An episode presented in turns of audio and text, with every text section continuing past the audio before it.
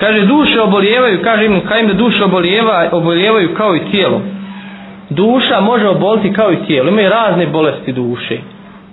Razne bolesti duše. Vestin, kaže im je rekao, kaže, srce obolijeva.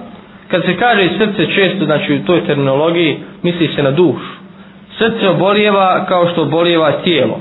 Ne misli se na ovaj organ, srce koje kuca, jel, koje pumpa krv. Nego misli se na, ta, na, tu, na tu duhovnu čovjeku, njegovu dušu. Kaže, boljeva kao što boljeva tijelo. A lijek mu je u teubi, pokajanje. Teuba je nešto, iskrena teuba, teuba, teuba nasuha je nešto što najviše čisti, čisti čovjek u duhu.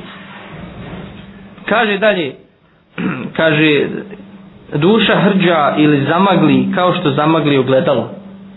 Zamaglilo kao ogledalo kad, kad puhnete u njega, ono zamagli ili od pare. I kaže, a čisti se zikrom, spominjanjem Allaha to što je manje naslaga griha. Kaže, duša ogoli kao što ogoli čovjek, ostane bez odjeće, a odjeća joj je takvaluk, bogobojaznost. Duša se najbolje može okititi bogobojaznošću.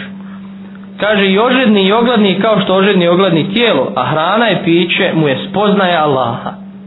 Spoznaja Allaha, ljubav prema njemu, oslonac na njega i pokajanje. Znači ovo su riječi koje su istinu velika poruka i veliki jeli, ovaj, i šaret nama kako da se ponašamo u, znači, u našem odnosu prema našoj duši. A nećemo govoriti večeras o tome čime se sve duša prlja. Duša se prlja svim grijesima i malim i velikim. Što je veći grije, veća je prljaština, teže je očistiti. A čisti se svakim dobrom, svakim dobrim djelom. A najbitnije je pokajanje. Pokajanje i učenje Kur'ana.